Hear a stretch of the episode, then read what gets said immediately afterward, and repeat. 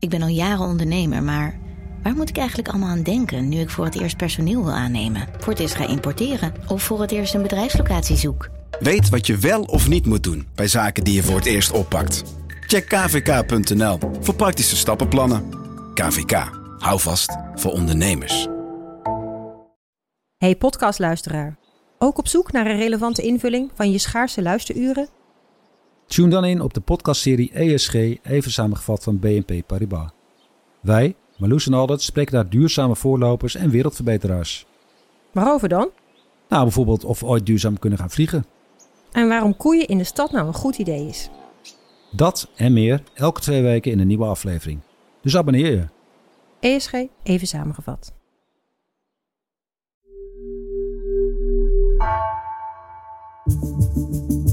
Vanaf de redactie van NRC het verhaal van vandaag. Mijn naam is Egbert Kalsen.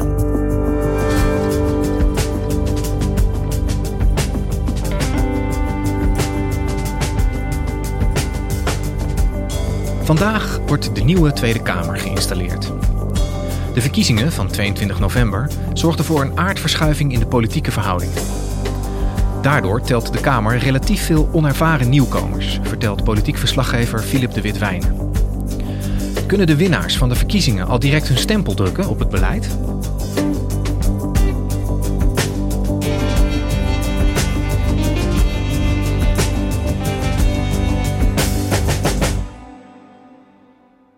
Philip, we zijn uh, twee weken na de verkiezingen en vandaag wordt de nieuwe Tweede Kamer geïnstalleerd in Den Haag. Wat voor dag is het? Het is een beetje de, zoals de eerste schooldag voor brugklassers op een grote middelbare school. Dat heel veel Kamerleden wat uh, onwennig, nerveuzig door, de, door de gangen lopen. Doe je al de weg kwijt? Ja, dat geloof ik wel. Nee, die, uh... En al die 150 verkozen Kamerleden, die moeten dan de eet of de belofte afleggen. Onder andere op de grondwet. Ik open de vergadering van de Tweede Kamer de Staten-Generaal. Het woord is nu aan de griffier. De door u af te leggen eden of verklaringen en beloften luiden als volgt. Ik zweer of verklaar en beloof dat ik, om iets in dit ambt te doen of te laten. En daar zit een verschil in of je um, confessioneel bent of je christelijk bent. Dan kies je voor de eed. Getrouw zal vervullen.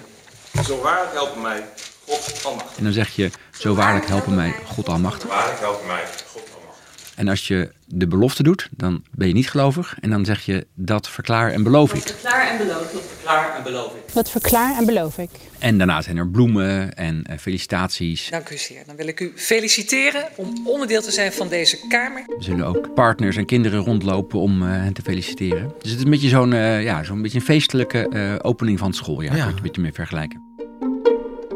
En het, het zijn nogal wat nieuwe Kamerleden, hè? volgens mij. Er heeft zelden zo'n grote verschuiving volgens mij plaatsgevonden. Ja, ik weet niet helemaal de recordstand, maar dit keer um, zijn er 67 nieuwe Kamerleden.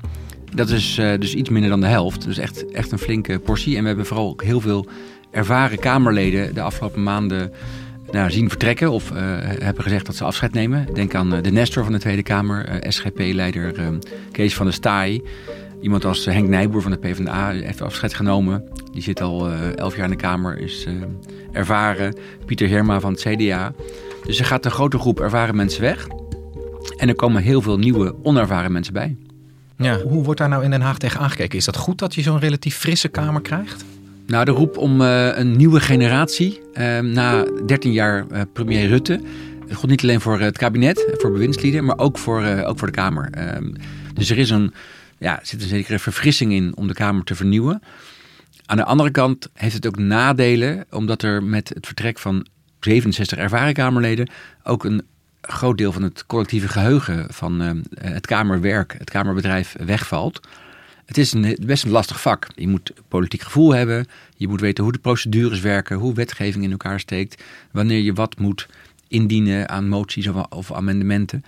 En verder is ook de roep geweest dat de, dat de, Tweede Kamer meer macht zou krijgen ten opzichte van het kabinet, van de regering.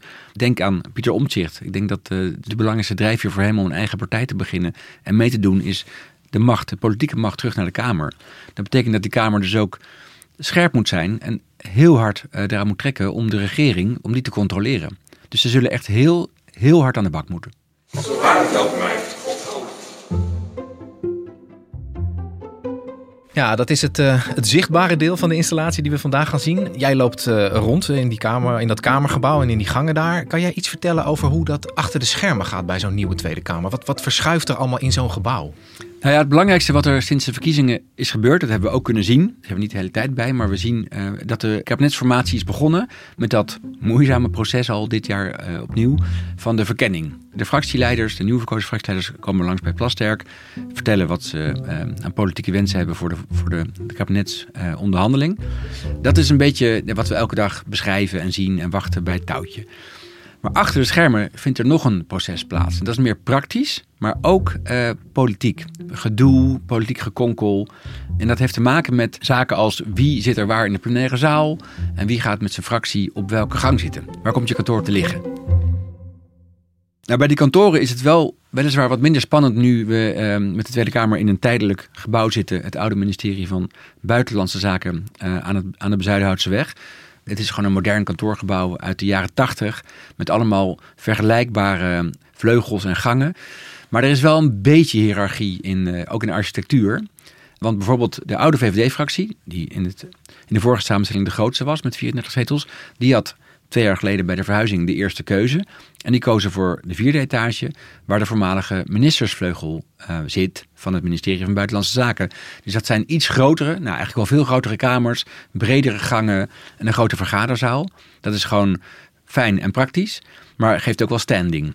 Nou, uh, het lijkt erop dat de PVV, nu de grote winnaar van de verkiezingen, uh, die vleugel van de VVD overneemt. Dus de VVD moet vertrekken. Ja, dat is dan de strijd om de werkruimtes in dat gebouw. Uh, jij zei ook de, de stoelendans om de zeteltjes letterlijk, hè? de blauwe stoelen. Ja. Hoe, hoe gaat dat? Ja, de, dat is eigenlijk veel spannender. Uh, de Tweede Kamer, de plenaire zaal van de Tweede Kamer bestaat uit een, uit een halve cirkel met 150 zetels uiteraard. En dat is verdeeld in zes taartpunten van 25 zetels, stoeltjes, die blauwe stoeltjes. We kennen ze.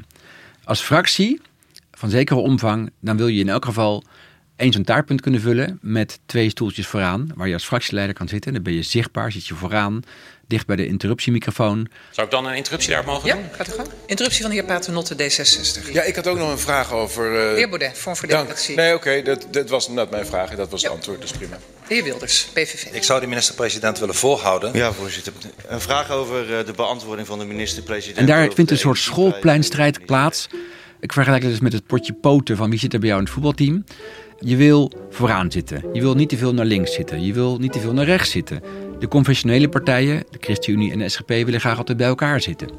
En dit keer begreep ik in het overleg, in de vele verzoeken of de vele varianten die voorlagen, dat het CDA, teruggevallen naar vijf zetels, het lastig vond en bezwaren had om in het eerste voorstel te zijn ingedeeld in het vak met PVV'ers. In uh, vak 2, het tweede vak van rechts. Nou, in het tweede voorstel zaten ze opeens tussen NSC, ook niet leuk, want dat zijn de oude rivalen, voormalige CDA's vooral van Pieter Omtzigt. Daar wilden ze ook niet tussen zitten. En in het derde voorstel zitten ze op een plek waar ze zich wel thuis voelen, namelijk tussen de VVD'ers. En zo gaat het de hele tijd. GroenLinks, PvdA, nu de grootste fractie op links, die komen nu helemaal links te zitten in het oude vak van de SP, dat destijds ook groter was. En dat voelt een beetje ongemakkelijk, want ze zijn niet extreem links. Ze zijn links, maar ze zijn een beetje middenlinks. Ze hadden liever iets meer in het midden willen zitten. Maar dat, dat kan helemaal niet in de, in de verhoudingen van nu. Dus um, dat zijn allemaal van die overwegingen. Ben je veel in beeld? Waar zit je? Moet je ver lopen naar de interruptiemicrofoon?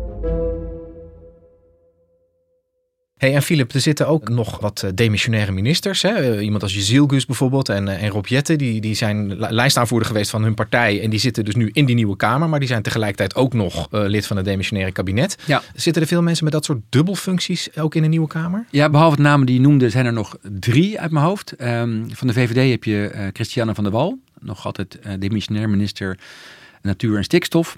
Staatssecretaris Erik van den Burg, ook van de VVD. Die is uh, staatssecretaris uh, asiel en migratie. En bij D66 heb je Hans Velbrief, de uh, staatssecretaris Mijnbouw. en die hebben inderdaad een Kamerlidmaatschap en hebben nog hun portefeuille als bewindspersoon in het demissionaire kabinet. Dus dat is een gekke situatie. Die moeten soms misschien naar de Kamer worden geroepen in het vraaguur bijvoorbeeld als, als minister of staatssecretaris. En aan een andere keer moeten ze eh, in het vak zitten om te stemmen als Kamerlid. Of Ja, om te debatteren. Hey, en ehm, ik zag ook dat met name volgens mij PVV en ook wel BBB heel veel mensen hebben die ook een dubbelfunctie bij andere overheden hebben, bij provincies en gemeenteraden. Hoe, hoe gaat dat dan? Ja, partijen mogen er zelf over beslissen of dubbelfuncties zijn toegestaan. Het is niet gebruikelijk om eh, eh, Tweede Kamerlid te zijn en gemeenteraadslid. Maar bij partijen die nieuw zijn en heel veel mensen nodig hebben, zie je dat het wel vaak gebeurt. In het verleden bij Forum voor Democratie, nu bij de PVV hebben heel veel mensen uit provincies, provinciale staten en de gemeenteraden gehaald. Bij de BBB ook. Ehm, die dubbelfuncties zijn misschien lastig. Eh, aan de andere kant, ja, dus de, de vijver is gewoon kleiner bij de nieuwe partijen. Dus ze moeten, als je enige politieke ervaring wil hebben, dan moet je het lokaal zoeken.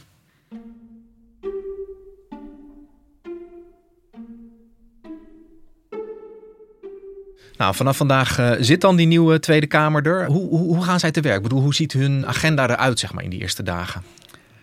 En wat ik net beschreef, behalve die puzzel van de plenaire zaal en van de, eh, de kantoorvleugels, is er nog een puzzel te leggen. En die is politiek niet onbelangrijk. Dat is de indeling van de, de Kamercommissies. Je hebt een aantal, iets van 15 vaste Kamercommissies op de deelgebieden, zeg maar parallel aan de departementen van een kabinet. Dus je hebt een vaste Kamercommissie Buitenlandse Zaken en een vaste Kamercommissie ehm, Binnenlandse Zaken en een vaste Kamercommissie Financiën. En de ene is belangrijker dan de andere. De ene heeft meer eh, statuur. Dus je wil als eh, fractie daarin zitten, eh, goed vertegenwoordigd zijn. Kleine fracties kunnen vaak maar één persoon per commissie leveren. Die hebben een woordvoerder financiën die dan in de commissie financiën alles doet. Zowel de begrotingszaken als eh, de fiscale zaken. Andere grotere fracties kunnen dat verdelen onder twee of drie mensen. En je wil ook daar het voorzitterschap van kunnen claimen. Waarbij ook geldt dat de grootste partijen vaak als eerste die mooie commissies kunnen binnenhalen. Maar er is een nadeel aan het commissiewerk, want het is ook echt heel veel werk. Dus ook zo'n voorzitter die misschien gaaf en belangrijk is, dat kost veel tijd. Dus dat moet je ook weer inleveren op je eigen portefeuille. Stel je bent voorzitter van de commissie Financiën en je hebt zelf de landbouwportefeuille, heb je minder tijd om het woord te voeren in jouw eigen debatten over stikstof en landbouw, als je heel veel tijd moet steken in die commissie Financiën. Ja. En jij zei dat eh, met name de grote fracties dus eigenlijk automatisch ook die voorzitterschappen eh, claimen, zou ik maar zeggen. Maar nou zijn er twee eh, grote fracties, PVV en NSC, die eigenlijk bijna alleen maar uit onervaren mensen bestaan. Hoe, hoe gaat dat lopen, denk jij dan? Nou ja, ik begreep al dat in de afgelopen jaren PVV nooit echt heel eager was om eh, dit soort voorzitterschappen op te eisen. Want het, het, het is wel exposure, maar het kan ook misschien misgaan als je niet heel ervaren bent en je met een onhandige voorzitter, ook in zo'n commissievergadering, die ook online worden uitgezonden. Dat, dat kan je ook heel hard, heel zwaar komen te vallen. En het kost veel tijd, het kost, eh, wat ik net al zei, dus je kunt niet alles aan. En het kan best zijn dat dan toch de meeste ehm voorzitterschappen bij ervaren partijen als eh, VVD, eh, D66, ehm, CDA terechtkomen. Alleen de CDA heeft maar vijf mensen. Die zitten echt niet te wachten om ehm, heel veel nevenfuncties in commissies te gaan vervullen. Want daar hebben ze eigenlijk gewoon geen, geen capaciteit voor. Hey, en dit gaat over de voorzitterschappen van, eh, ja, van de Kamercommissies, hè, de kleine zaaltjes. De meest prestigieuze plek is natuurlijk het voorzitterschap van de Tweede Kamer. Wat, wat hoor je Ja. daar al over? Nou, dat wordt ook heel spannend, omdat we weten eh, dat er een nieuwe Kamervoorzitter komt. Vera Bergkamp heeft, eh, heeft afscheid genomen. Vera, dank voor alles. En ik weet dat ik niet alleen namens mezelf spreek als ik zeg... het was een groot genoeg om met je samen te werken. En we zullen je missen. Het gaat je goed. Er is één naam die alom klinkt. Gaan we er eens even goed voor zitten? Van de grootste fractie nu van de PVV is Martin Bosma. Een heel ervaren Kamerlid. Al jarenlang ook lid van het presidium. Dat is het politieke bestuur van de Tweede Kamer. Een gewaardeerd ondervoorzitter, hè? Gewaardeerd ondervoorzitter. Hij, hij kan heel leuk en luchtig en ook tamelijk neutraal zo'n Kamerdebat eh, leiden. Waarin hij grapjes maakt richting D66. En zijn eigen PVV'ers tot de orde roept. Dus dat doet hij heel goed. Daar is hij ook populair om. We hebben allemaal broodjes mee, slaapzakken. Want de heer Omtzigt gaat doseren.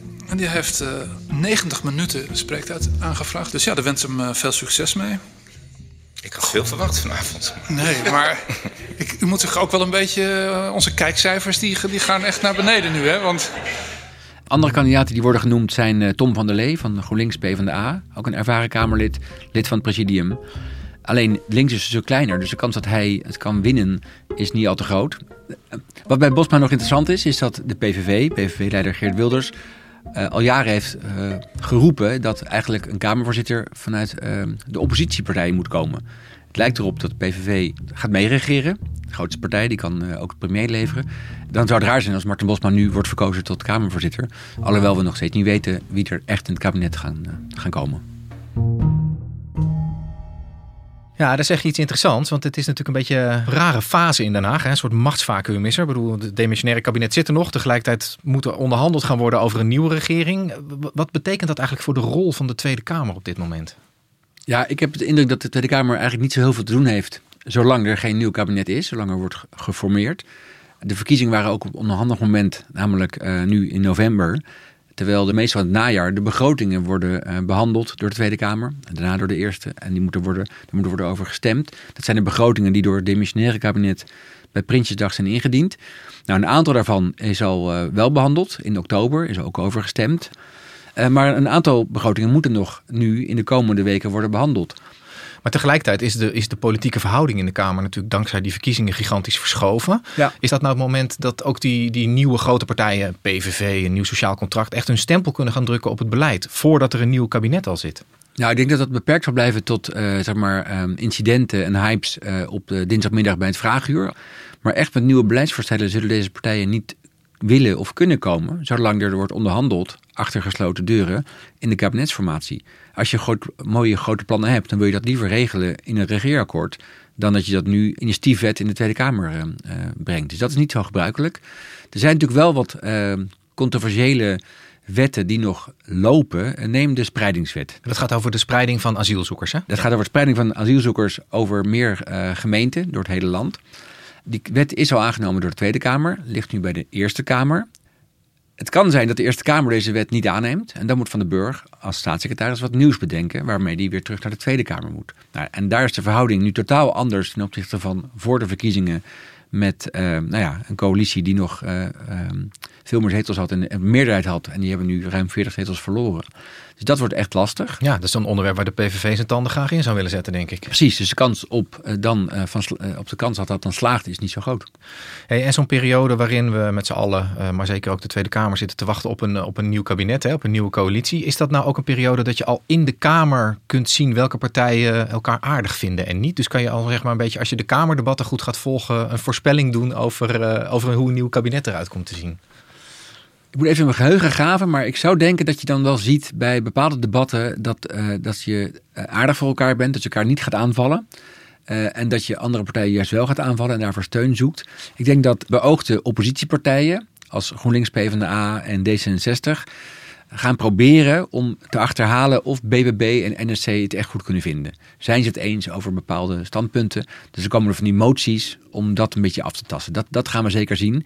Bij zo'n motie uh, kun je bijvoorbeeld denken aan uh, de steun voor Oekraïne. Omtzigt is daarvoor, het huidige kabinet is daarvoor, de meerderheid van de Tweede Kamer is daarvoor. Maar Wilders is er eigenlijk niet zo voor. Die wil dat uh, terugschroeven.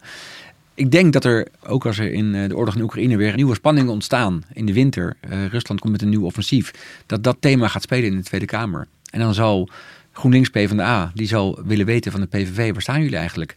En NSC en BBB, steunen jullie dat?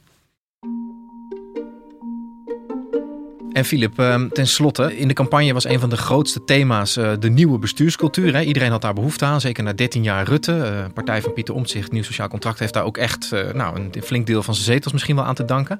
Denk jij nou dat we dat ook gaan terugzien in die nieuwe Tweede Kamer? Nou, als het aan Pieter Omtzigt ligt wel, de leider van NSC, die heeft die partij opgericht juist vanwege de verrotte bestuurscultuur die hij wilde gaan vernieuwen. Dat betekent dat hij echt een grotere rol voor de Tweede Kamer ziet. Nou ja, en een van de varianten die, waar Omtzigt wel eens over heeft gesproken is een, een minderheidskabinet. Waarbij een regering niet kan bogen op een vanzelfsprekende meerderheid om alle plannen er doorheen te krijgen. Dus je moet per wetsvoorstel eh, verschillende meerderheden verzamelen. Dan krijg je inderdaad meer dualisme en, en zeker een nieuwe bestuurscultuur. Maar goed, zolang er geen uh, zicht is op een nieuw kabinet, verwacht ik eigenlijk dat het politiek niet al te spannend zal zijn, omdat die partijen die aan tafel zitten daar uh, dan de kaart op de borst houden. En dat kan best ook uh, in de plenaire zaal van de Tweede Kamer tot uh, enige saaiheid leiden, waar de spanning dan zit achter de gesloten deuren van die formatie.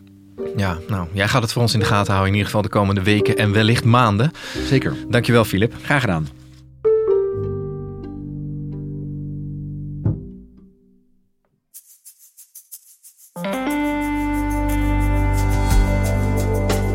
Je luisterde naar vandaag, een podcast van NRC. Eén verhaal, elke dag. Deze aflevering werd gemaakt door Tessa Kolen en Jan-Paul de Bond. Coördinatie Henk Ruigrok van de Werven. Dit was vandaag, morgen weer.